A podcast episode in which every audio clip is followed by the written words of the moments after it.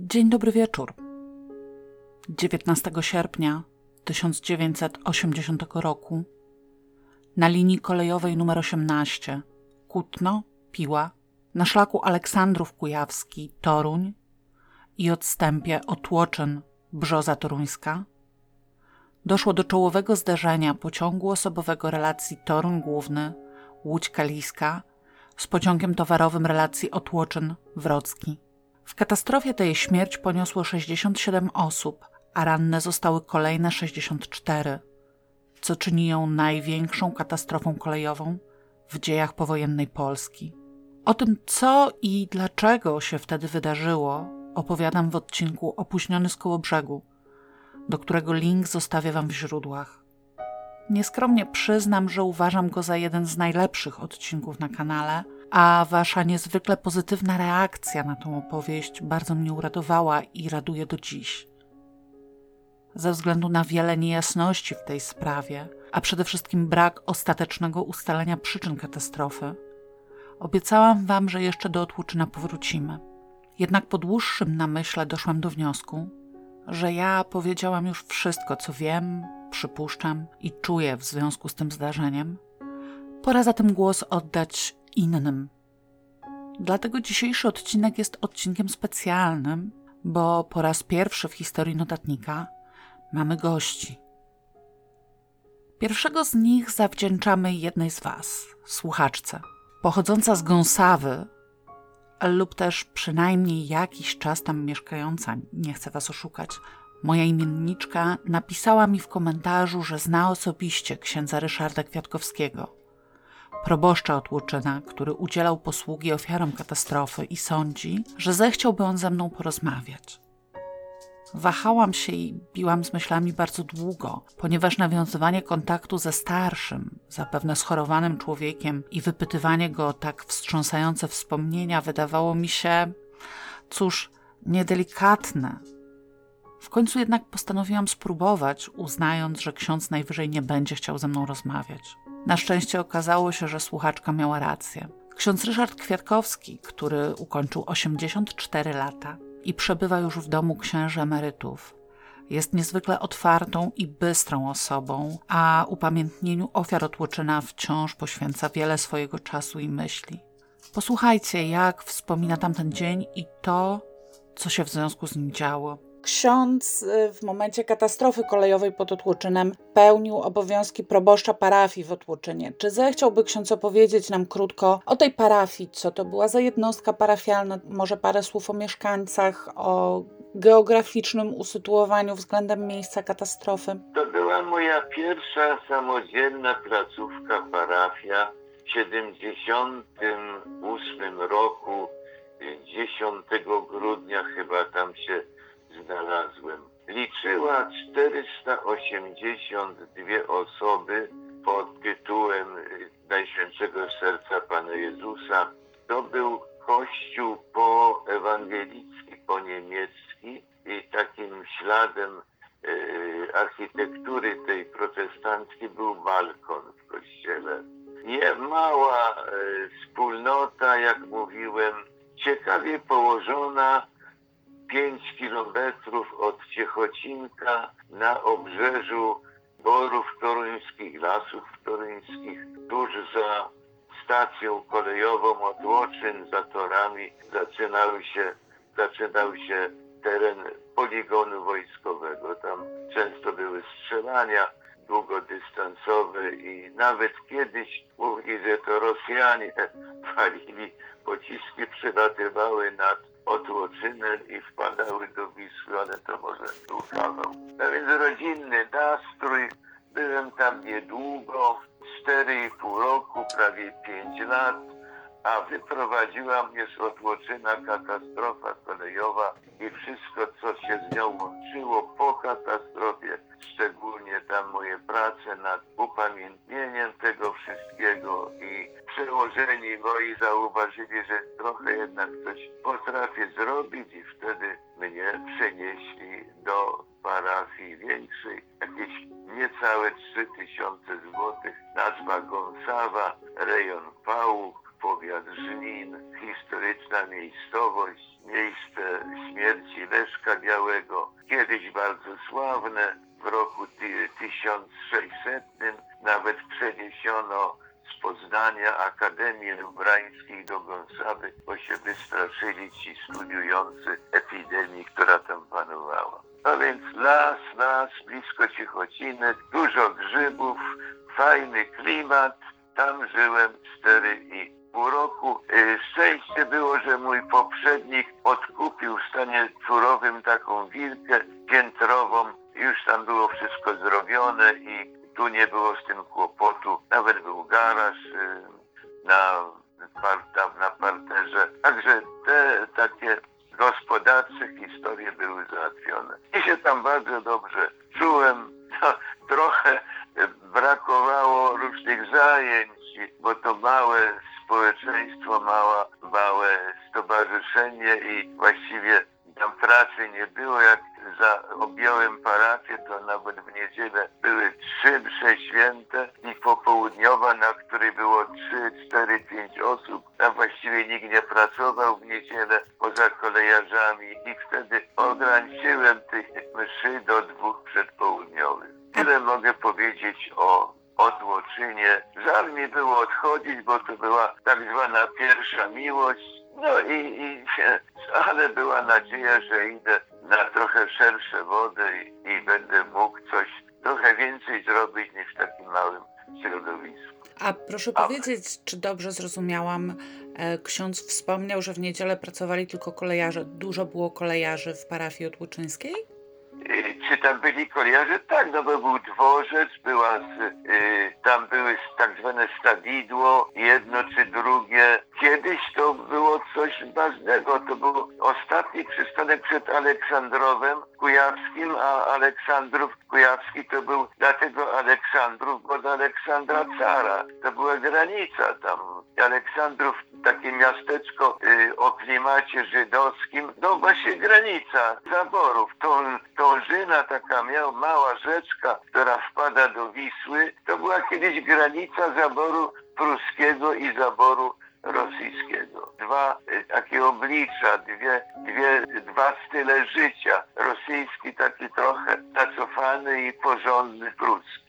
Czyli praktycznie bardzo historyczne okolice. A no właśnie. I także, właśnie, po, także właśnie, pod względem właśnie. kolejowym, jeżeli y, połączenie kolejowe przekraczało granice w okolicy Otłoczyna. Proszę powiedzieć, proszę księdza, bo ksiądz był na miejscu katastrofy i udzielał posługi ofiarom. Proszę powiedzieć, jak to było tamtego dnia, kiedy ksiądz się dowiedział o katastrofie, jak ksiądz się tam znalazł? Obudziły mnie czy nie obudziły, nie pamiętam. W każdym razie głośne były syreny samochodów, czy to były straże, czy to były pogotowia, czy wojskowe, jakieś operacje. No wyjątkowo duży ruch, może bardziej w stronę Torunia, bo to jednak bliżej było niż do Włocławka i tam większość z tych rannych pewno przewożono w tamtą stronę, ale karetki to one były używane do tej akcji ratowniczej pewno i z tych ośrodków mniejszych województwa włocławskiego mhm. sąsiedniego. Także ja, że coś się stało, ale mi do głowy nie przyszło, że to jest katastrofa kolejowa. Dowiedziałem się o tym, o tej katastrofie w kiosku, w Ciechocinku. Ten sprzedawca zagadnął i mówi, czy ja, coś jest ciekawe, co tam się strasznego wydarzyło w Otłoczynie. No i kiedy się dowiedziałem, co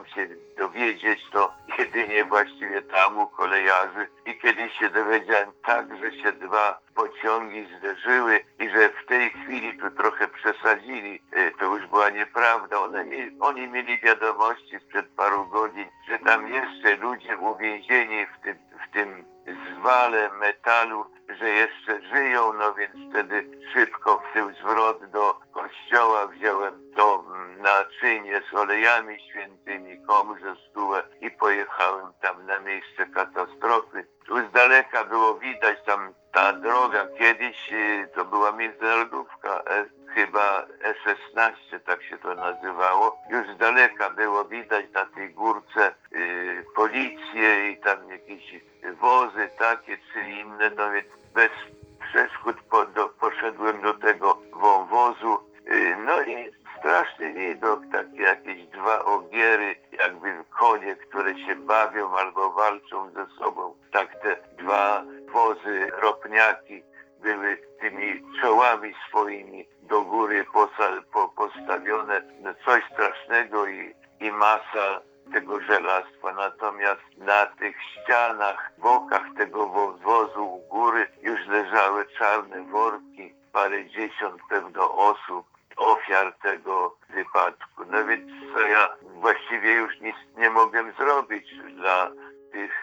Zmarli. Jedynie chodziłem obok tych wagonów z jednej, z drugiej strony z taką intencją, jeżeli ktoś jeszcze żyje, był przytomny, to go rozgrzeszałem i, i, i tyle mogłem zrobić. Natomiast wrażenie było potworne.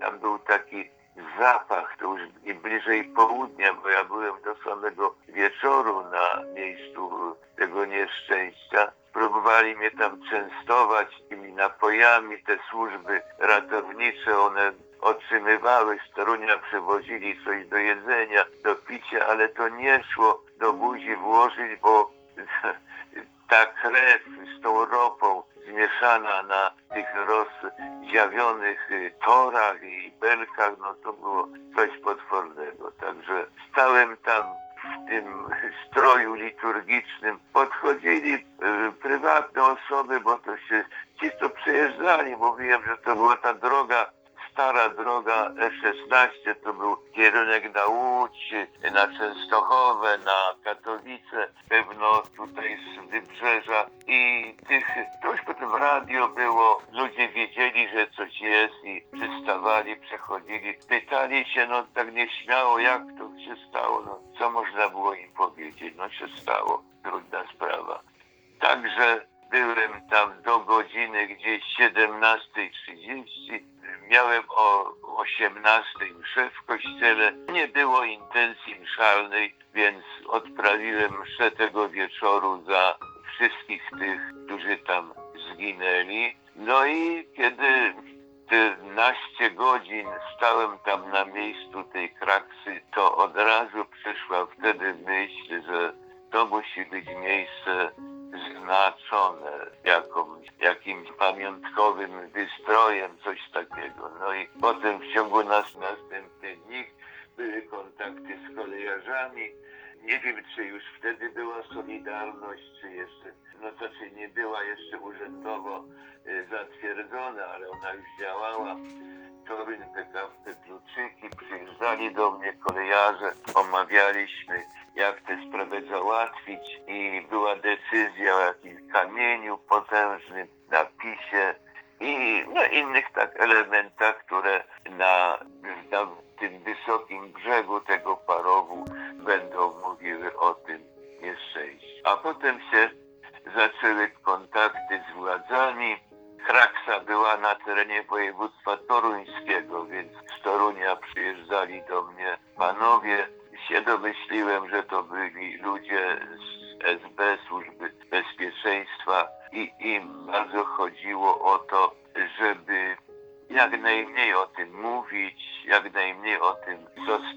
po sobie, upamiętnić, no bo to była przecież porażka y, systemu. Były głosy, jak tam stałem, że to jest związane y, ze strajkami, miał być jakiś sabotaż, czy zamach, czy coś takiego, ale to takie ludowe porzekadła tam padały. Ludzie kojarzyli sobie to z Gdańskiem.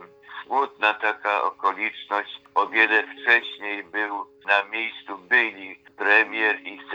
sekretarz partii z Warszawy. Oni lecieli heli helikopterem do, y, na wybrzeże. Byli tam wcześniej, no i polecieli. Natomiast były spotkania potem z tymi panami, którzy dbali o porządek, o wyciszenie sprawy. Przyjechało kiedyś do mnie dwóch i y, mówią, że pewno myślę o tym, żeby coś tam postawić na miejscu. No i trochę tak jakoś niehumorystycznie, nie, no, potraktowałem może byli nawet obrażeni, a chyba to nie byli głupi ludzie, no inteligentni trochę i e, rozumieli, że ja trochę z nimi lecę, tak sobie e, w kuleczki. O, o, o, okazałem wielką radość, kiedy mi przypomniał jeden, że tam powinien jakiś krzyżyk postawię. Podziękowałem, że on cywil, y, świecki człowiek, że on o tym pamiętał, mi to do głowy nie przyszło, a przyszło, stojąc tam na tym parowym, wiedziałem, że, że coś trzeba zrobić, żeby to, żeby te sosny, które tam rosły cieniem swoim, tego miejsca nie, nie zakryły. Takim wrażeniem było to, że przez długi czas, nawet nie, nie tydzień, tylko do kilka lat jeszcze, większość tych y, składów, czy to były towarowe, czy osobowe, kolejarze wiedzieli, znali to. Zresztą ten pomnik potem im o tym powiadał. Tam zawsze dawali sygnał taki, jako wyraz czci dla tych, którzy zginęli. W tym miejscu powinno być moje pytanie o to, czy ksiądz był przesłuchiwany w którymkolwiek ze śledztw dotyczących katastrofy. Ale ktoś do mnie zadzwonił. Takie to już uroki nagrywania wywiadów przez telefon. Co to za świadek, który e, pojechał na miejsce katastrofy 5 czy 6 godzin po jej właściwie zakończeniu. Także e, absolutnie ze mną nikt nie rozmawiał. To znaczy ludzie rozmawiali, tam takie ludowe e, pożegadła były i przyczyny. Najczęściej mówili o tym, że jest to powiązane ze strajkami na wybrzeżu mhm. i coś takiego tam powątpiewali, ale tak to nic. Natomiast ja rozmawiałem, ale to tylko mogę mówić zupełnie po cichu. Rozmawiałem z jednym, ja to tylko ogólnie powiem, że rozmawiałem z człowiekiem, który podchodzi pod pozycję jasnowidza. On mi powiedział, najpierw kiedy pytałem o przyczynę tej tragedii, on nie wiedział dokładnie o co chodzi i mówił mi o innym miejscu, innym nieszczęściu, a kiedy mu powiedziałem o co właściwie chodzi, to też wyjaśnił, ale ja tego nie mogę powiedzieć, bo ja tego nie udowodnię, kiedy to byłoby fałszywe i kłamliwe, no więc miałbym duże kłopoty. Nie mogę powiedzieć i jakiejś władzy, że wiem, ta przyczyna jest zupełnie jasna, wyraźna, bo mi powiedział ktoś, który się mieni jasnowidzem. Także coś, ale zupełnie inaczej, odwrotnie tam niż te wszystkie techniczne historie. No, taka ciekawostka, która no, była, była i ja mogę na tym tylko ogólnie powiedzieć, natomiast nie mogę zdradzać szczegółów, bo nie chcę mieć kłopotów. Absolutnie nie miałem żadnych kontaktów z władzami świeckimi, które by mnie wprowadzały czy wypytywały o przebieg, o przyczyny, coś takiego tam. To było zupełnie dalekie. Nikt mi z tym, do mnie z tym nie, nie przychodzi. A co ksiądz myśli tak naprawdę, kiedy ksiądz się już tego wszystkiego dowiedział o katastrofie? Co tam się wydarzyło? No ja jestem trochę jakby pod, nie tyle podpuszczony, ile związany z tym, tą wizją tego jasnowidza. Rozumiem. No i ja nie mogę też dokładnie mówić swoich przyczyn, bo może by tam coś wyszło właśnie z rozmowy z tym człowiekiem. No oczywiście no, po prostu no, no stało się, to było ciemno, jeszcze wtedy maszyniści nie mieli takiego kontaktu telefonicznego, nie było komórek, tak jak dzisiaj są, ta, to co wiem, to z prasy i tam z rozmów innymi dzwoniła ta pracownica na jednej z tych dyspozytorni, jak to się fachowo nazywa, zapomniałem w tej chwili, ale już był, były obydwa składy w ruchu, także gdyby była technika dzisiejsza, no to byłby alarm, byłoby, nawet by go mechanicznie jakoś zahamowali jeden i drugi pociąg i by do katastrofy nie doszło, no ale takich urządzeń technicznych jeszcze wtedy 40 lat temu nie było mm -hmm. i, i to się to po prostu musiało, musiało stać. No, no właśnie. Czy ksiądz miał po katastrofie kontakt z ofiarami, z tymi, którzy przeżyli, bądź też z ich rodzinami? Tak, kiedy przyszła, przyszedł ten pomysł upamiętnienia tego miejsca i przyszedł ta wizja mszy świętej na tym miejscu, no to od razu były próby kontaktu z rodzinami. Tam już dokładnie szczegółów nie pamiętam, ale mi się może przesadzam, może wyolbrzymiam, że wszystkie rodziny powiadomiłem. To może jest nieprawdziwe, ale większość powiadomiłem, powiadomiłem osobiście, a tych, do których trudno było, bo tam nieraz całe rodziny zginęły. Małżeństwo, chyba dwoje dzieci, jeśli się, jeśli się nie mylę. To wtedy szukałem kontaktu drogą pośrednią przez parafię, gdzie prosiłem proboszcza czy tam jakiegoś kapłana, żeby odszukał tę rodzinę, no wie, powiedziałem skąd oni pochodzą. Prosiłem, żeby proboszcz przekazał ten list, taki dosyć obszerny, na półtorej strony maszynopisu do tych y, rodzin pisałem i no, były wyrazy współczucia i y, takie tam teksty pocieszające i co tam przeżyłem też y, gdzieś tam ma jakąś kopię, może jeszcze bym znalazł, ale papiera gdzieś tu leży i zapraszałem wtedy na mszę świętą. Także wiem, że to większość, większość otrzymała to, nawet no prawie, prawie całość. Na przykład y, z Wybrzeża Koszalińskiego przyjechała moja uczennica ze siostrą, bo ta siostra wyszła za mąż w rejonie Koszalina i y, się spotkałem z tą uczennicą właśnie na miejscu katastrofy w czasie mszy świętej. Przychodzili ludzie, w ogóle dzwonili do mnie i prasa i y, tam wywiady jakieś, coś takiego, ale rodziny dzwoniły i się pytali się, no, czy, czy jeszcze żył, czy jakieś tam czynności, czy mu pomagałem, czy nie pomagałem. I wtedy, kiedy wytłumaczyłem, że ja byłem bardzo późno tam, no to się rozmowa na ten temat kończyła, ale dużo tych kontaktów było z rodzinami, no oni byli ciekawi, jak wyglądała, no, no jak, tak jak każdy bliski, kiedy by stracił w takich warunkach kogoś bliskiego, no to, to by na pewno tak reagował. Co jeszcze? No, potem były ogłoszenia i w prasie nawet ogłosiłem to o tej mszy świętej. Ogłosiłem, to był, nie wiem czy jeszcze jest taki program radio kierowców, które uwrażliwia jadących różnymi tam drogami, gdzie są trudne miejsca. Nie chodziło nie tylko o uwrażliwienie na, bo rzeczywiście był to, jak mówiłem, prawie od przedmieść Torunia do Krzyżówki, Ciechocinek, Aleksandrów były samochody. Tylko mi chodziło o to, żeby ludzie gdzieś będąc w rejonie blisko, żeby na to miejsce przybyli, żeby była duża frekwencja. I poza tym od razu była tablica taka metalowa z torami takimi na czarno, to, tory białe i miejsce pamięci ofiar katastrofy. Na tej byłej E16 czy tam A16. A tam ruch był wtedy duży, no więc to się po ojczyźnie rozniosło na pewno.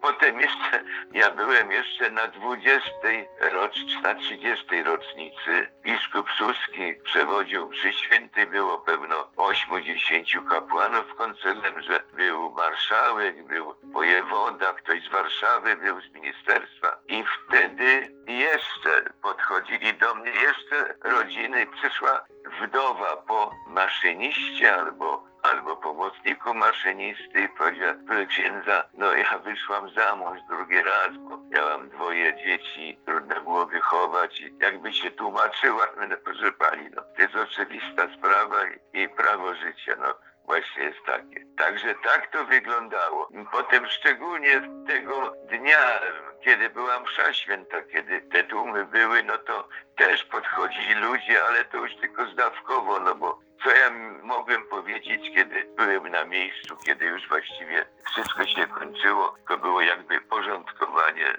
tego terenu. Czyli było zarówno tak, że ksiądz wysyłał listy do rodzin, informując o mszy świętej, tak. informując o upamiętnieniu ofiar, jak też do księdza się zwracały rodziny, pytając o ostatnie chwile osób bliskich, tak?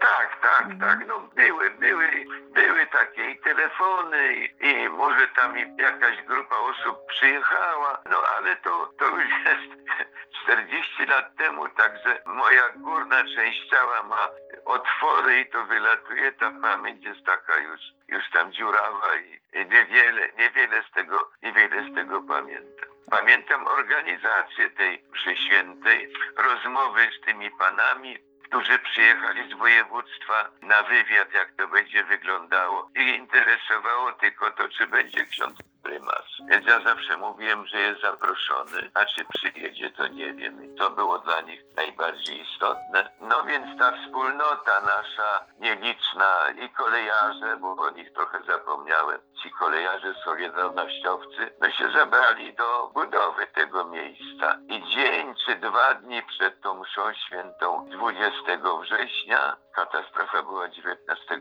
sierpnia, 20 września, była niedziela, no więc tłumy około 50, mówią, mówili jedni do 100 tysięcy ludzi. Był las drzew i był las ludzi. Mam sporo zdjęć czarno-białych z tej mszy świętej do końca. Zresztą ten teren był taki nierówny, tylko lekkie pagóreczki były w tym lesie. Do końca po prostu nie widać. Była dekoracja, było nagłośnienie, były te poproszone o obecność wszystkie te ratownicze y, sprawy i straże i policja i no łączność była, także dekoracje były o no to to tyle.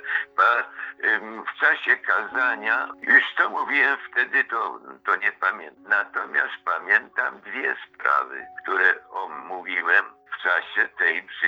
Mianowicie, dzień przed tą mszą świętą, kiedy już wszystko było przygotowane, ktoś wyrwał tabliczkę z tego, wyleciało mi z tego, tych końca torów, z tego no patrz kobieto, nazywa się to odbój i tam był ten paschał, a niżej na tym drzewie, na tej belce, na, do której były przytoczone te bufory, była tabliczka, wykonała coś takiego Komisja Zakładowa NSZZ Solidarność PKP Torej Kluczyki. Ktoś to wyrwał. I druga rzecz, przyjechała moja siostra z Gdańska na, y, może dlatego, że nie wiem jakie były, wraz mnie odwiedzali i rodzice, i siostra, i brat, jeden, drugi. I ona przywiozła wiadomość, że brat, który pracował w stoczni i był przewodniczącym takiego małego jakiegoś Solidarności tego oddziału w gdańskiej stoczni, był, siedział rok w więzieniu, był internowany. Odwiedzałem go ojej, i ławie najpierw z takim bratankiem, który miał trzy lata. On miał troje, troje dzieci, ten trzyletni był najmłodszy. I siostra powiedziała, że już nie jest Iławie, tylko jest w też tam go odwiedzałem, jego i parafianina, który tam internowany był. I że ich pobity, pobili, była ścieżka zdrowia ich porządnie przetrzepali tam ci zomowcy. Więc przyjechał jeden z moich znajomych kolegów, ksiądz, i mówimy, słuchaj, mam dwie sprawy trudne, czy o tym mówić tam na tym miejscu. Nie mów, nie mów, bo byś miał kłopoty, ojej, ojej. A ja przemyślałem sprawę, co mi szkodzi i to powiedziałem o tym, że idę do generalnego prokuratora, bo to jest bezczeszczenie pomnika, zerwanie, oczywiście nie, nie poszedłem, bo to szkoda było zachodu, oni by to zupełnie zlekceważyli. I druga rzecz powiedziałem o, o tym pobiciu nie tyle brata, ile całej tam grupy, która wtedy mm. w Widzeniu odsiadywała tą swoją, e, e, swoje to jak się to nazywa, no nie aresztowanie, bo to było, była nazwa inna. No i potem zostałem wezwany na komendę wojewódzką, zostawiłem samochód u znajomych w Toruniu, prosząc, żebym nie wrócił, żeby przewieźli jakoś do parafii, do Otłocyna i poszedłem na rozmowę. Zupełnie spokojny byłem nawet przy wejściu, tam oczywiście były kraty, jeszcze drugie kraty na piętro, gdzie ci panowie siedzieli. Czekałem aż ktoś po mnie przyjdzie, przyszedł. No i się rozmowa zaczęła bardzo miło, fajnie. A potem były zarzuty, proszę księdza, ksiądz takie idiotyzmy, może nie, nie, nie, nie, nie, nie chodzi o wyrażenie, a w każdym razie potworne rzeczy, śmieszne, drażliwe, na takim miejscu poważnym, na takim... Wcześniej były takie taka tok rozmowy, trend taki no niby przyjazny, aż w końcu zeszło na te historie zupełnie bardzo drażliwe. I mi zbawiają że ja znieważyłem to miejsce, że Mhm. mają telefony ludzi takich zagniewanych, zaskoczonych, że takie głupstwa ten ksiądz tam opowiadał na tym miejscu trago- tragedii. A ja wtedy, wtedy im powiedziałem tak, proszę panów, ja miałem też telefony z podziękowaniem i z wyrazami y, szacunku, wdzięczności i tak dalej. No, są tacy ludzie, w tej chwili myślę o pani, są tacy ludzie, którzy są mądrzejsi od nas trojga, od dwóch panów i ode mnie. Nazywają się dziennikarze. I proszę panów, czytajcie te gazety toruńskie, które opisują przebieg tej mszy świętej, tej uroczystości. Czy znajdzie pan, panowie znajdą tam jakieś wyrazy oburzenia, zniesmaczenia, tylko, tylko bardzo poważnej tonacji, że to było głębokie przeżycie, to, to i tam. A potem rozmowa przeszła na to, że, bo ja nie mówię, że brat, ale w końcu, że brat i że tam brat se wypił czy coś takiego. I wtedy nastąpił bardzo poważny moment. Ja w życiu nie klnę, ale zacząłem znowu grać tak surowo. I jak romnąłem pięścią w stół, do jasnej cholery mówię, panie, co pan mojego brata widzi jako pijaka, alkoholika? Wypraszam sobie to. No więc oni struchleli, poważnieli, trochę łebki opuścili.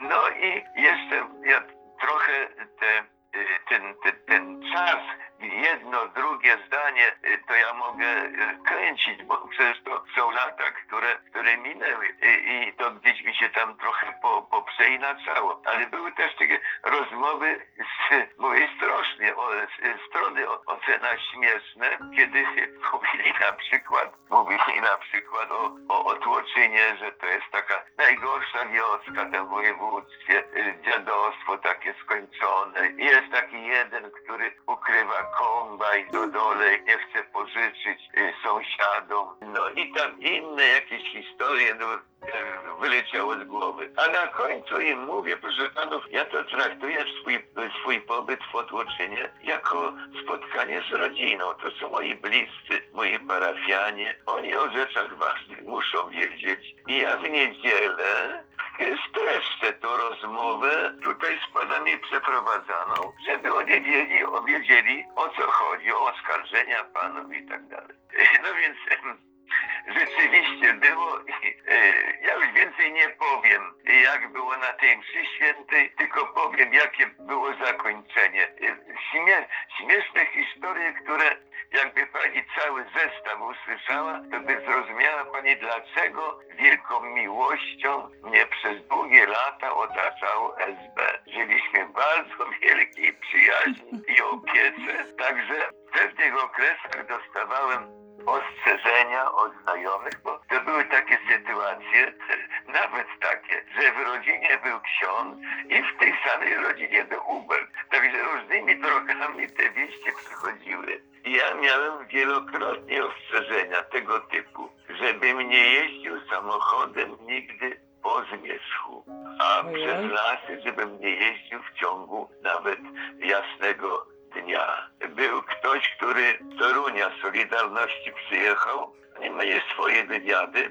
Chciał koniecznie jechać ze mną, z, bo już wtedy byłem w Gąsawie, z Gąsawy do, do Żnina. Bo tam jest takie miejsce, które było planowane na mój koniec. Rzeczywiście pojechali, pojechaliśmy i tam jest taki parów. Tam miałem się skończyć. No ale no bo ja tego nie udowodnię, bo, no bo to jest tylko, są przecieki, są dane, które mówili przyjaciele, którzy się o mnie troszczyli, którzy coś... Ta msza święta się kończyła tak, miałem potem kłopoty, bo wiedziałem, gdzie ten pan siedzi, wiedziałem, gdzie ta pani w czarnych włosach siedzi w samochodzie i czeka na tego pana. Jak skończyłem mszę świętą, to mi moi parafianie powiedzieli tak proboszczu, jak proboszcz skończył mszę, to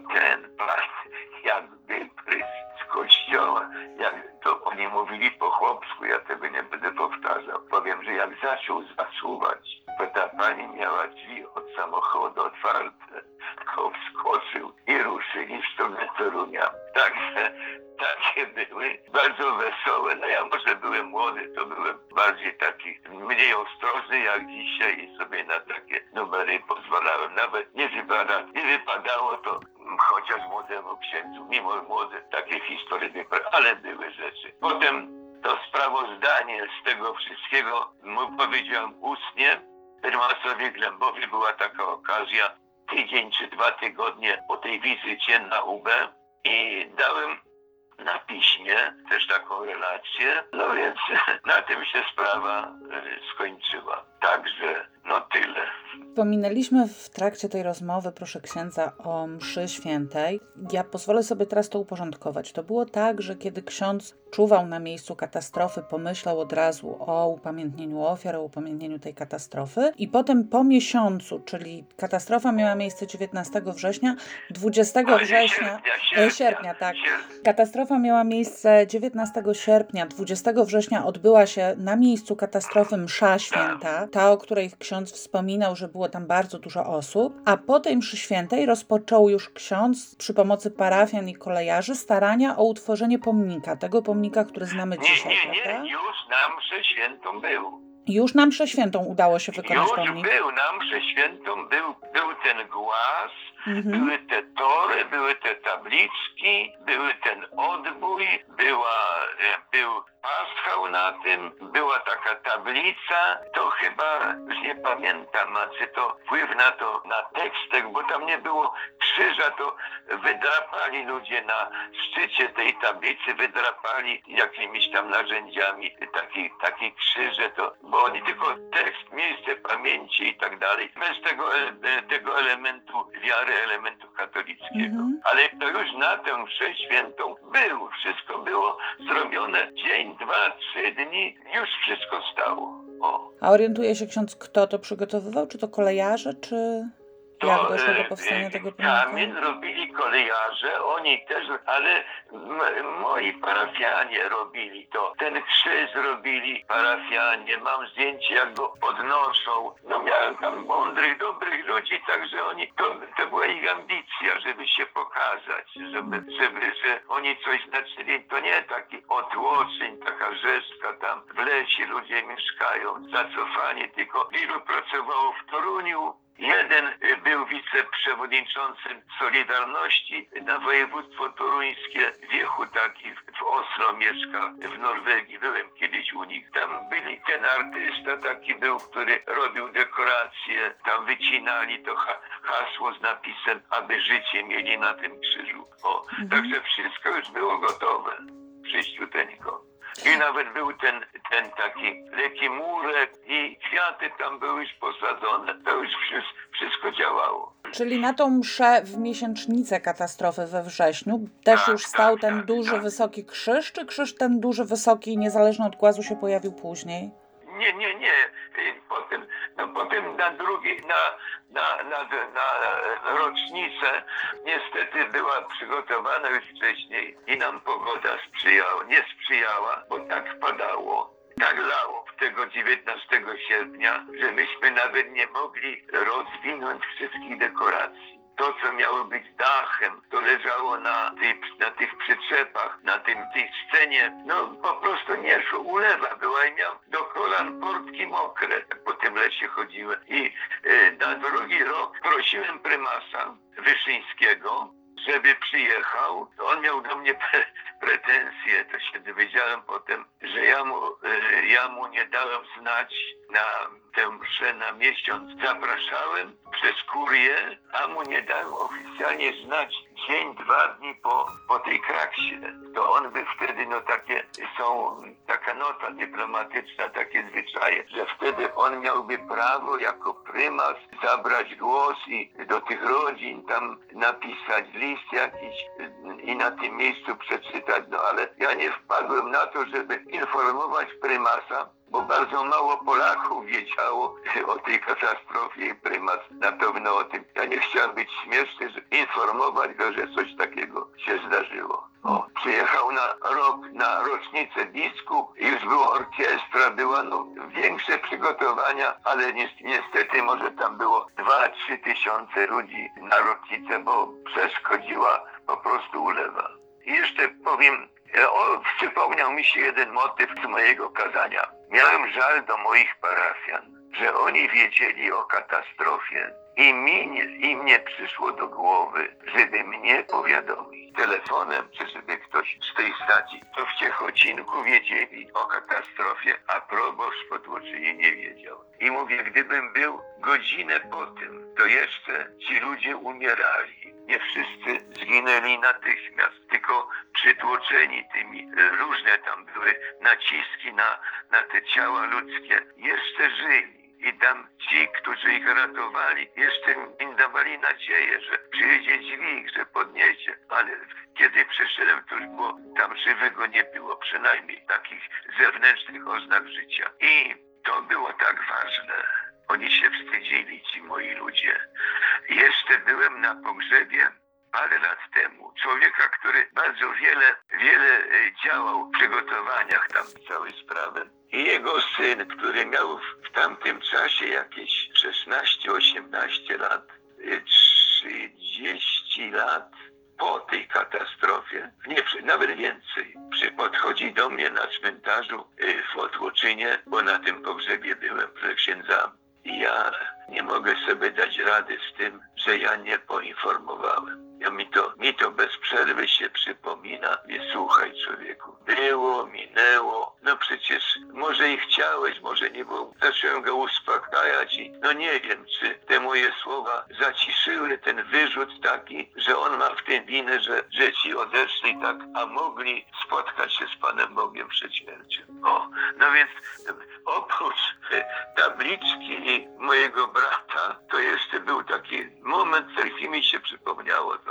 I to rzeczywiście mówiłem i ci ludzie, no, potem trochę głowy zwieszali, że, że o tym nie pomyśleli. I była prośba, oby nie było nieszczęść, ale jeżeli będzie świadkiem jakiegoś nieszczęścia, będzie leżał człowiek y, ranny, to nie tylko dzwoń po pogotowie, ale postaraj się dotrzeć do pobliskiego księdza, żeby też tam na tym miejscu się pokazał. Taka była między innymi stawka na tym, na tej mszy miesiąc po.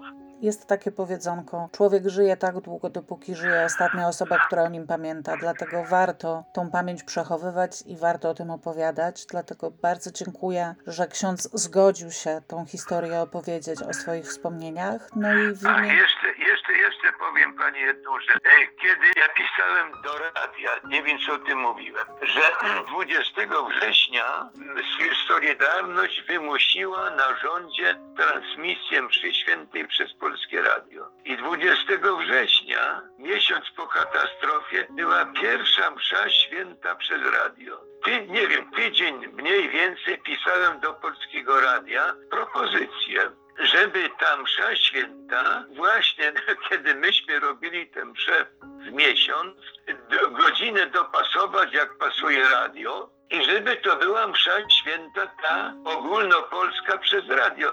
Ja zaznaczyłem, że nie chodzi mi o to, żebym ja to odprawiał, bo mogę być posadzony o jakieś tam maniery i nie wiadomo, jakieś tam y, pretens- pretensjonalność. Może być biskup, czy prymas, czy ktokolwiek inny, żeby tę, tę pierwszą mszę złączyć z tą tragedią. I mi odpisało Polskie Radio, że niestety już są ustalenia z episkopatem i ta msza święta będzie u Świętego Krzyża o dziewiątej. Wszystko jest pozałatwiane, no więc się spóźniłem wtedy. Chociaż może by tam, bo to byłoby o wiele łatwiej w Warszawie niż jechać do Otłoczyna i tam organizować to wszystko. Szkoda, że się nie udało. Wobec tego bardzo dziękuję w imieniu swoim i w imieniu słuchaczy mojego kanału za rozmowę. Życzę księdzu dużo zdrowia. Dzięki bardzo. W opóźnionym Skołobrzegu wspomniałam Wam, że powstaje pierwsza monografia katastrofy otłoczyńskiej, którą jako pracę magisterską na Wydziale Psychologii Uniwersytetu SWPS pisze Jonasz Przybyszewski. Termin ukazania się książki, pierwotnie wyznaczony na przełom sierpnia i września, był przesuwany tyle razy, że w końcu, desperacko pragnąc ją przeczytać, napisałam do kolegi youtubera o wdzięcznym niku Kuracyja, z którego firmu dowiedziałam się o Jonaszu i jego pracy z prośbą o umożliwienie z nim kontaktu, żeby u źródła zapytać, co się dzieje. Kuracyja, kolejny dobry duch historii Otłoczyna, kontakt mi udostępnił, a sam Jonasz okazał się następną, otwartą i bystrą osobą, z którą korespondencja mailowa o sprawach książkowo, kolejowo, katastroficznych sprawiła mi dużą przyjemność. Ostatecznie jego 25 godzina ukazała się w styczniu i przedstawiła światu zupełnie nową teorię dotyczącą przyczyn katastrofy. Pierwotnie miałam zamiar poświęcić jej oddzielny odcinek. Po dłuższym namyśle doszłam do wniosku, że mogłabym Was jednak zanudzić. Link do strony wydawnictwa, na której możecie zakupić 25 godzinę Jonasza Przybyszewskiego, również zostawię Wam w opisie. A teraz posłuchajcie, co sam Jonasz miał do powiedzenia na kilka pytań, które przesłałam mu mailem. Dlaczego Otłoczyn? Co takiego zainteresowało Cię w tej katastrofie, że postanowiłeś podjąć nad nią pracę naukową? Dlaczego Otłoczyn? Ta katastrofa ma dla mnie wymiar lokalny, nie osobisty, dlatego że nikt z bliskich mi osób w niej nie ucierpiał, czy nie brał w niej udziału, natomiast y, Pochodzę z Torunia i wiele osób, które ucierpiało lub brało udział w tej katastrofie, pochodziło lub mieszkało w Toruniu i katastrofa odbiła się tutaj w regionie dużym, dużym echem. Natomiast to, co mnie najbardziej interesowało już od dłuższego czasu, to była mm, nierozwikłana tajemnica, dlatego że nigdy nie wyjaśniono, dlaczego towarowy, załoga towarowego wyjechała ze stacji Otłoczyn, łamiąc przepisy i doprowadzając do najtragiczniejszej katastrofy lat powojennych. Ja starałem się zebrać fakty i uporządkować je już od dłuższego czasu, właściwie od kilku lat, natomiast było to działanie raczej hobbystyczne, dlatego że nie miałem dostępu do dokumentów, które zgromadziłem później na etapie pracy naukowej, ani też nie wiedziałem, gdzie ich szukać. Natomiast dobra okazja nadarzyła się właśnie przy okazji pisania pracy magisterskiej, kiedy postanowiłem zebrać w jednym miejscu i spróbować dotrzeć do wszystkich dokumentów na ten temat, które są dostępne. Dlatego też, że po zebraniu wszystkich dostępnych dokumentów, które są dostępne jakby publicznie, w sposób powiedzmy łatwy, okazało się, że jest wiele nieścisłości, wiele informacji, które nawzajem się wykluczają, albo też jest wiele różnych wersji tej samej, tej samej informacji lub tego samego wydarzenia. Stąd też chciałem po prostu uporządkować to, zweryfikować te informacje i wyłonić ich prawdziwe wersje, dlatego że dziennikarzom udało się dotrzeć do wielu informacji, y, które były zawarte w aktach. Y, natomiast y, poprzez reprodukcję tych informacji i sposób ich przekazywania, nierzadko ustny, doszło do wielu zniekształceń, może nie przekłamań, ale zniekształceń tych informacji. Z akt której komisji korzystałeś? W jaki sposób do nich dotarłeś? I jak wyglądało ich udostępnienie? Jeśli chodzi o pracę nad y, archiwaliami, to rozpocząłem ją od kontaktu z mm, archiwami regionalnymi PKP i z y, redaktorami Juchniewiczem i Orliczem. Redaktor Juchniewicz pracował wówczas w Toruńskich Nowościach i był pierwszym dziennikarzem na miejscu wypadku. Natomiast y, redaktor Orlicz w 2000 roku nakręcił czarny serial, czyli ciąg dokumentów emitowanych w TVP dotyczących y, katastrof y, w PRL-u. Więc jeśli chodzi o tą pierwszą gałąź, czyli archiwa PKP, to nie pozyskałem właściwie nic, natomiast dużą pomocą był dla mnie kontakt z y, panami Juchniewiczem i ponieważ od nich pozyskałem dużo dokumentów, zarówno mm, archiwalnych, jak i będących ich własną e, twórczością. I te dokumenty częściowo się pokrywały z tym, co pozyskałem później już w, z, z, z archiwów. Natomiast były też dla mnie bardzo dużą pomocą, jeśli chodzi o nakreślenie szczegółów tych wydarzeń. Natomiast jeśli chodzi o ten, tę główną część dokumentów, która najbardziej przyczyniła się do powstania pracy, a później książki, to były to oczywiście Archiwum Państwowe w Toruniu i Archiwum e, IPN-u. W tym pierwszym znalazłem akta prokuratorskie ze śledztwa, które toczyło się w związku z tym wypadkiem. Natomiast e, w archiwum IPN znalazłem sprawę operacyjnego rozpoznania kryptonim katastrofa, w której znajdowały się materiały ze śledztwa milicji. Więc częściowo te materiały się oczywiście ze sobą pokrywały, bowiem oczywiście milicja współpracowała z prokuraturą. Natomiast w aktach SB znalazło się również wiele ciekawych wątków, których prokuratura nie poruszyła lub nie zawarła w swoim śledztwie, a dały one pewne ciekawe tło i dodały kilka szczegółów, które okazały się później dość istotne. Należy również dodać, że w aktach y, prokuratury znajdowały się również akta śledztwa, które prowadziła Komisja PKP i Komisja Rządowa. Przy czym z tych y, dwóch komisji najbardziej pomocna była praca Komisji PKP, ponieważ Komisja Rządowa była motywowana politycznie i właściwie swoimi działaniami nic do tej katastrofy, czy do, do tego śledztwa, w której tej katastrofy nie wniosła. Właściwie to SB wręcz narzekała na to, że politycy, którzy pojawili się na miejscu, trzymali się jednej z wersji, która była dla nich najwygodniejsza i właściwie bardziej przeszkadzali niż pomagali w śledztwie. Jeśli chodzi o udostępnienie tych akt, to wejść do archiwum państwowego może w zasadzie każdy, więc to nie stanowiło większego, większego kłopotu. Natomiast nieco trudniej było z aktami IPN, ponieważ aby dojść do e, archiwum e, IPN należy mieć status pracownika naukowego, bądź też upoważnienie od takiego pracownika, stąd też e, dużą pomocą dla mnie tutaj był mój promotor, który takie upoważnienie mi wystawił.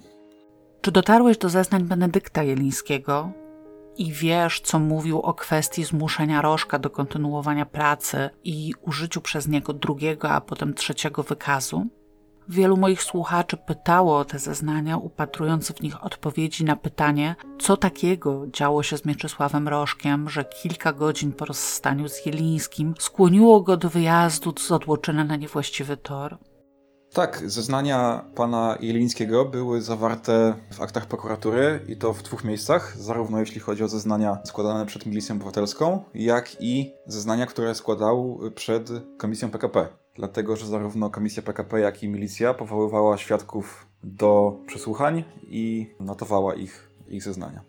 Właściwie pod y, sam koniec mojej pracy starałem się dowiedzieć, czy jest możliwość dotarcia do pana Jelińskiego, dlatego że właściwie zeznania były kompletne, natomiast y, śledczy nie poruszyli za bardzo wątku tego okresu między Piłą a Bydgoszczą i tego, co, co tam się działo. A wydawało mi się, że ten element może mieć pewne znaczenie, może niewielkie ani nie, nie dające mocnych dowodów, ale uznałem, że warto byłoby zbadać także i ten wątek. Natomiast udało mi się dowiedzieć, że niestety pan Jeliński zmarł w 1994 roku więc ta możliwość została po prostu utracona.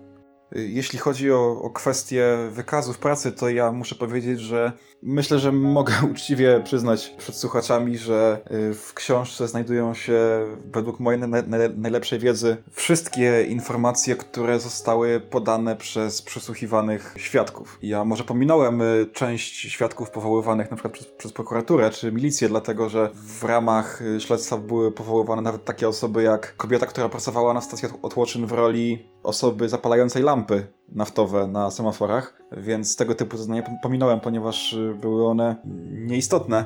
Natomiast jeśli chodzi o to, co mówili, co mówiły osoby, które miały swój duży udział w przebiegu wydarzeń, czyli przykład pani Liński, to przytoczyłem właściwie wszystkie informacje, które udało mi się wydobyć z tych, y, z tych przesłuchań. Stąd też jeśli chodzi o kwestię wykazów pracy, to Jeliński właściwie niczego ciekawego nie zeznał. To znaczy, wydaje mi się, że albo nie widział tego, tego faktu zmieniania, podmieniania wykazów y, pracy, yy, albo też nie zauważył w nich niczego, niczego dziwnego. Tak? Należy bowiem pamiętać o skali tych nadużyć nieprawidłowości, jaka wówczas na, jakie wówczas na PKP były normą. Bardzo możliwe, że Jeliński nie zauważył w działaniach y, Rożka czy też dyspozytorów niczego dziwnego, ponieważ to wówczas była po prostu norma. Do tego należy też dodać kwestię układów, jakie panują w tego typu miejscach, jak węzeł Chojnice.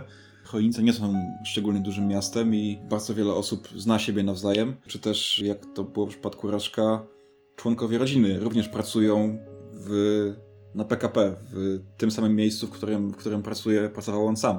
Stąd też naturalnie tworzą się pewnego rodzaju rytuały, czy też przyjęte wzorce zachowań, które mają na celu uproszczenie sobie codziennej pracy i na ogół nie prowadzą do żadnych negatywnych skutków. Pamiętajmy bowiem o tym, że absolutnie wszyscy przesłuchiwani świadkowie traktowali te wykroczenia czy też nadużycia mm, przepisów jako absolutną normę. Dla nich to było oczywiste i jasne jak słońce, że po prostu tak się przyjęło robić i tak robimy. A Otłoczyn był tym jednym z niewielu przypadków rzadkich, w których te nadużycia i te uproszczenia doprowadziły do, do wypadku, do katastrofy, w której zginęli ludzie.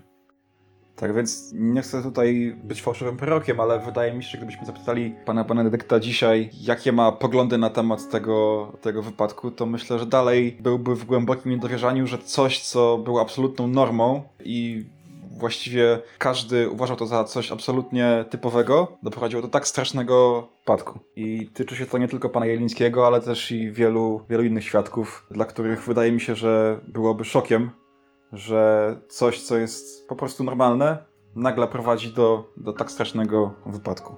Swego czasu sporo poruszenia wywołała internetowa teoria o celowym ukryciu błędu obsługi stacji w Otłoczynie, która jakimś cudem wypuściła pociąg towarowy na niewłaściwy tor. W naszej wcześniejszej korespondencji wyjaśniłeś mi, dlaczego to mało prawdopodobne. Czy mógłbyś wyjaśnić również słuchaczom, Dlaczego teoria o ukryciu błędu obsługi stacji jest nieprawdopodobna? Ja muszę przyznać, że troszeczkę bezwiednie pominąłem nieco wiele wątków, które pojawiły się właśnie w związku z tą teorią w pierwszym wydaniu książki. Tych dokumentów i wersji wydarzeń było naprawdę wiele, Natomiast y, ja skopilowałem to wszystko w takim krótkim rozdziale, który właściwie mówi o tym, że no w zasadzie to nie dało się im nic złego udowodnić, co jest prawdą, natomiast y, w drugim wydaniu ten wątek i ten rozdział będzie znacznie rozszerzony i, i, i dostarczę więcej, większej ilości dowodów na to, dlaczego, dlaczego ta teoria jest y, w zasadzie nieprawdopodobna. Natomiast tutaj mogę powiedzieć, że no wystarczy przeprowadzić taki eksperyment myślowy, tak? W sytuacji, kiedy mamy prokuratora wojewódzkiego, mamy wytrawnych śledczych, milicjantów, wysokich oficerów, którzy są oficerami zarówno MO, jak i SB.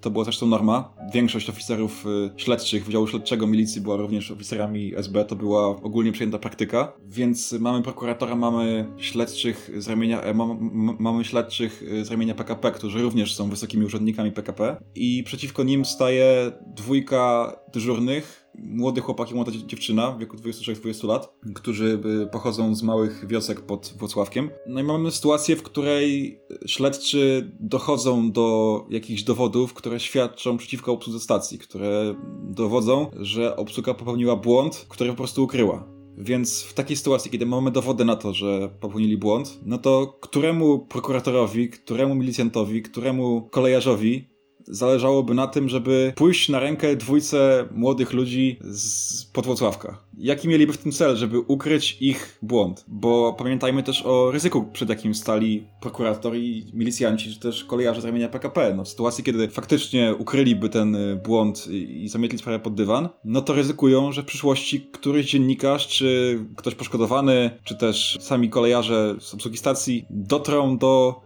jakichś materiałów czy dowodów, które wskazywałyby na to, że jednak są niewinni. I w tej sytuacji mamy prokuratora milicjantów, którym udowodniono właśnie, że nierzetelnie przeprowadzili śledztwo. I to właściwie zagraża ich pozycji, ich stanowisku, y, stawia ich przed odpowiedzialnością karną. Stąd też wydaje mi się, że nikt z nich, czyli ani prokurator, ani milicjanci, ani kolejarze z ramienia PKP nie ryzykowaliby swoimi głowami tak naprawdę, żeby uratować dwójkę dyżurnych w wieku 20-23 lat.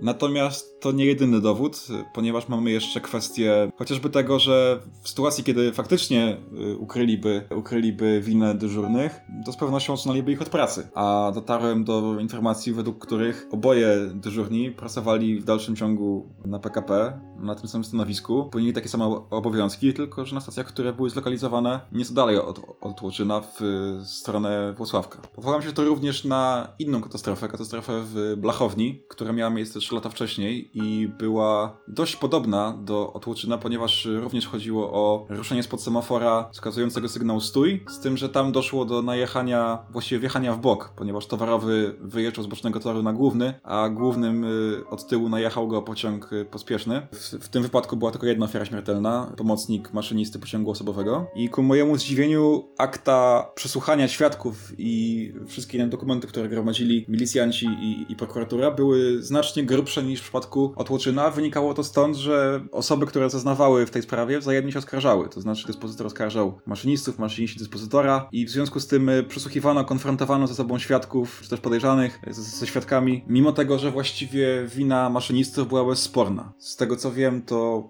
Oboje dyżurni doczekali do emerytury na swoich stanowiskach pracy, obecnie są na emeryturze. Wiem o tym, że oboje żyją i przyznam się, że próbowałem dotrzeć do pana Woźniaka, stawni dysponującej, ponieważ wydawało mi się, że na tym etapie śledztwa, którym, który, na którym wtedy byłem, wydawało mi się, że jest on osobą, która może coś nowego jeszcze do tej sprawy wnieść. I napisałem do niego, nie otrzymałem odpowiedzi, więc uznałem, że, że woli do tego tematu nie wracać. Zresztą doskonale to rozumiem i, i uszanowałem jego, jego wolę. Natomiast później analizowane dokumenty dokumenty ujawniły, że właściwie to nie było większego sensu w próbie dotarcia do, do dyżurnego, ponieważ wystarczało to, co zeznał przed prokuraturą, przed komisją PKP i późniejszy przebieg wydarzeń oraz późniejsze zeznania innych świadków. Dlatego w drugim wydaniu, które właśnie się ukazało, rozdział poświęcony ewentualnej winie obsługi stacji jest znacząco rozszerzony i dodaje nowe dowody na to, że moim zdaniem nie ma tutaj ich winy. Tej nocy, kiedy doszło do katastrofy pod Otłoczynem,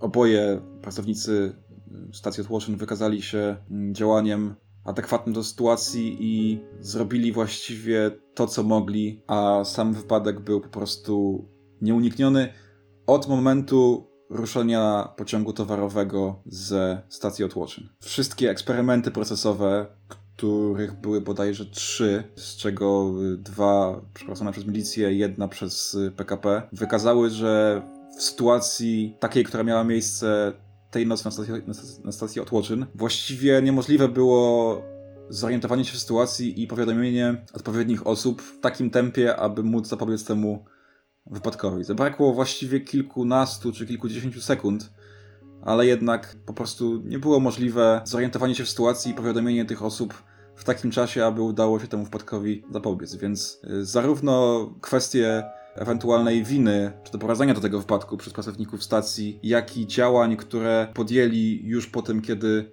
kiedy rozpoczął się ten ostatni etap tego dramatu, uważam, że obie te teorie są właściwie nieprawdopodobne. Natomiast oddając może pełną sprawiedliwość, to część kolejarzy po tym wypadku podnosiła, że w sytuacji, kiedy dyżurna czy nastawnicza widzi uciekający skład, ma jeszcze możliwość y, zatrzymania go poprzez rozerwanie składu, czyli w momencie, kiedy wagony jeszcze przejeżdżają przez zwrotnicę, ostatnią, nad którą ona ma kontrolę, może przestawić zwrotnicę pod tymi jadącymi wagonami i wówczas część składu zostanie skierowana na drugi tor, dojdzie do rozerwania składu przewodu hamulcowego i w związku z tym skład automatycznie zahamuje. Natomiast to była właściwie jedyna, jedyna rzecz, o której, której y, nastawnicza nie zrobiła, a mogła. Natomiast, no, oczywiście należy brać pod uwagę też sytuację, w jakiej się znalazła, ponieważ, tak jak wcześniej wspominałem, była osobą młodą, która dopiero co zaczęła pracę właściwie na, na PKP, no i została jakby wyrwana z takiego lekkiego letargu, czy też y, chwili oddechu przez, przez wyjeżdżający, wyjeżdżający pociąg. Był to dla niej po prostu ogromny szok, dlatego też należy wziąć pod uwagę tutaj wszystkie czynniki i, no, wydaje mi się, że w tej sytuacji nie dało się już nic więcej po prostu zrobić. W książce 25 godzina przedstawiasz czytelnikom własną teorię przyczyn katastrofy w Otłoczynie. Co możesz nam o niej powiedzieć? Może powiem tak, ja zdaję sobie doskonale sprawę z powagi sytuacji, że tak powiem, dlatego że oczywiście w sytuacji, którą mamy teraz, stawianie nowych teorii mogłoby oznaczać, y, mówiąc wprost, obwinienie kogoś, obwinienie konkretnej osoby, czy też y, jakąś taką y, jakiś zarzut wobec konkretnych osób czy konkretnych sytuacji. Tutaj muszę być bardzo ostrożny w tej kwestii, z uwagi na po prostu zwykłą ludzką sprawiedliwość. Nie czuję się w mocy stawiać zarzuty komukolwiek, z, z, uwagi na to, że nie jestem ani śledczym, ani prokuratorem, ani nie mam wykształcenia w kierunku prawnym, czy też w kierunku śledczym. A poza tym należy też pamiętać o tym, że od pewnego momentu, od pewnego momentu przebiegu wydarzeń, nie jesteśmy w stanie ocenić w żaden sposób, która z wersji jest prawdziwa. To znaczy mówię o momencie, w którym y, lokomotywa łączy się z pociągiem towarowym, ze składem pociągu towarowego 11599 i rozpoczyna oczekiwanie na wyjazd. Od tego momentu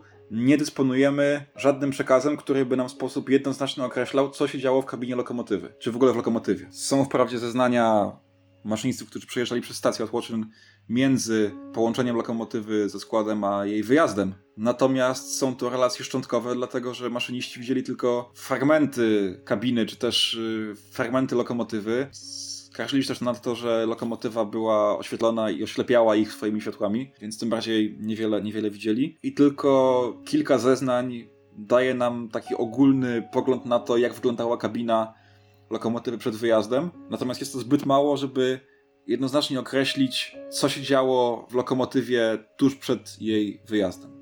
Dlatego moja teoria, którą y, sformułowałem w książce, jest jedną z kilku, kilkunastu, kilkudziesięciu, kilkuset teorii, którą można by było sformułować odnośnie tego, co działo się w lokomotywie ST44-67 przed wyjazdem ze stacji Otłoczyn. I właściwie każda wersja, która będzie dostatecznie dobrze oparta na tych szczątkowych dowodach, które mamy, jest właściwie równoważnie prawdziwa z moją wersją, czyli teorią, która mówi o tym, że na pokładzie doszło do konfliktu między starszym maszynistą a jego młodym pomocnikiem, który wynikał częściowo z przemęczenia organizmu, a częściowo z jakichś y, naturalnych uprzedzeń, które mają osoby starsze wobec, wobec młodszych. I moim zdaniem to właśnie to mogła być przyczyna ale absolutnie nie upieram się przy tej, przy tej wersji, dlatego że, tak jak mówiłem, od momentu połączenia lokomotywy ze składem nie wiemy, co działo się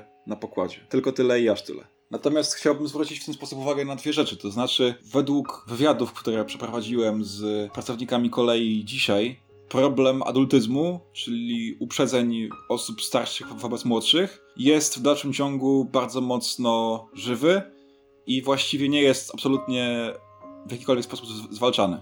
Oprócz tego porusza się też y, kwestie na przykład tak zwanej kapitanozy, czyli y, nadmiernego zaufania do osoby, która decyduje o, o, o lokomotywy, czyli maszynisty. Ten problem jest generalnie znany, jeśli chodzi o wypadki lotnicze, ponieważ tam ta ranga kapitana statku powietrznego jest jeszcze większa niż, y, niż, niż maszynisty i to zjawisko jest już generalnie dość dobrze znane i opisane. Niejednokrotnie prowadziło ono do wypadków lotniczych. Natomiast na kolei ten problem właściwie jest niedostrzegany. A oprócz tego mamy też inne kwestie, yy, czyli na przykład choćby to, że bezpieczeństwo na kolei, jeśli chodzi o spółki będące, wywodzące się z dawnego PKP, czyli na przykład Intercity, Polregio, PLK, inne spółki, tam w dalszym ciągu bezpieczeństwo jest traktowane nie jako wartość dodana, tylko jako taki przykry obowiązek. To znaczy, na przykład PKP y, Intercity i domyślam się, że Polregio również, też inne spółki, mają rozbudowany system kar dla maszynistów, którzy doprowadzą do już do jakiegoś naruszenia przepisów, czyli na przykład y, zdarzy się że nie zatrzymają się przy jakimś określonym miejscu przy peronie, przejadą wskaźnik, który jest jakby limitem, do którego może dojechać pociąg, czy też y, pominą sygnał stój na semaforze. Oczywiście nie, nie będzie następstw, ale, ale dojdzie do wykroczenia, które stanowi o tym, że, że maszynista pominął sygnał, sygnał y, stój. Wówczas takich maszynistów spotykają dość surowe kary. Tak samo jest również z pracownikami y, w rodzaju konduktorów, kierowników pociągu. Oni również są dyscyplinowani, czy y, wymusza się na nich pewne zachowania poprzez system kar. Wydaje mi się, że to jest bardzo duży problem, że dla tego typu firm bezpieczeństwo nie jest wartością dodaną, czy też czego, czymś, do czego należy dążyć wspólnie, tylko jest po prostu pewnym zakresem przepisów, które, których przestrzeganie wymusza się poprzez dyscyplinę, e, dyscyplinę pracowników za pomocą najróżniejszych kar. Z y, moich rozmów, które przeprowadzam dość regularnie z pracownikami y, chociażby firmy Intercity, wynika, że jeśli chodzi o wypadki czy też jakieś możliwe katastrofy, to pracownicy boją się najbardziej nie tego, że pasażerowie odniosą rany czy zginą, czy oni sami zostaną ranni czy zginą, czy też spotkają ich konsekwencje prawne, tylko najbardziej boją się konsekwencji służbowych. Czyli właśnie tego, że dojdzie do wypadku, w którym nie będzie następstw, natomiast oni jako osoby pośrednio lub bezpośrednio odpowiedzialne otrzymają karę. Więc proszę zauważyć, jak wielkim absurdem jest podejście obecne do kwestii bezpieczeństwa na kolei, gdzie pracownik, który jest odpowiedzialny bezpośrednio za bezpieczeństwo na kolei, najbardziej obawia się nie konsekwencji samego wypadku, tylko konsekwencji służbowych dla samego siebie. A musimy pamiętać o tym, że żyjemy w kraju, w którym za bezpieczeństwo na kolei w dalszym ciągu odpowiada w bardzo dużej mierze człowiek, czyli maszynista, kierownik pociągu, dyżurny, nastawniczy. Są miejsca na kolej, kolejowej mapie Polski, gdzie właściwie komputeryzacja czy y, jakieś, jakieś komputerowe systemy bezpieczeństwa właściwie nie istnieją i w dalszym ciągu Jedynym ogniwem, które odpowiada za bezpieczeństwo ruchu jest maszynista, nastawniczy, kierownik pociągu. I niestety dopóki, e, dopóki dalej tak będzie, dopóki w dalszym ciągu to człowiek będzie najważniejszym ogniwem bezpieczeństwa na kolei, dopóki nie zostaną wprowadzone odpowiednie systemy bezpieczeństwa, dopóki nie zostanie zmienione przede wszystkim myślenie. Myślenie kierownictwa firm e, przewozowych o bezpieczeństwie, dopóki nie zostanie wprowadzona psychologia i, i, i, jakby nie zostaną zbadane kwestie chociażby uprzedzeń, czy jakichś relacji między pracownikiem a jego zarządcą, czy też nie zostanie rozwinięta opieka psychologiczna nad y, sprawcami czy ofiarami wypadków kolejowych, to myślę, że kolejny otłoczyn jest właściwie kwestią czasu. Żeby nie być gołosłownym, ja też w tej kwestii rozmawiałem z e, wieloma osobami, które zajmują się problematyką bezpieczeństwa na kolei dzisiaj, którzy z nich, e, kiedy poruszałem chociażby kwestię wypadku pod Szczekocinami, e, zarzekało się, że od tej pory na kolei wiele się zmieniło, że wprowadzono nowy system bezpieczeństwa. Natomiast ostatnie wydarzenia, chociażby sytuacja pod Złocieńcem, gdzie o mało co nie doszło do zdarzenia pociągów, które znalazły się na jednym torze y, w wyniku błędu, pokazują, że w wielu miejscach w dalszym ciągu mamy do czynienia z sytuacją, która właściwie jest zbieżna z tym, co stało się pod Otłoczynem. Jeśli pomyśleliście, że Jonasz przesadza, to chcę wam powiedzieć, że 19 sierpnia 2021 roku a więc dokładnie w 41. rocznicę katastrofy pod Otłoczynem. Na linii jednotorowej Koszalin-Białogard, koło przystanku Niekłonice, na tym samym torze, zmierzając w swoim kierunku, znalazły się dwa pociągi pasażerskie spółki PKP Intercity. Jak informuje Mirosław Siemiec, rzecznik prasowy PKP PLK, maszyniści zatrzymali pociągi w odległości 400 metrów od siebie – nikomu nic się nie stało. Komisja PKP szczegółowo ustala okoliczności zaistniałej sytuacji. Tym razem jeszcze się udało.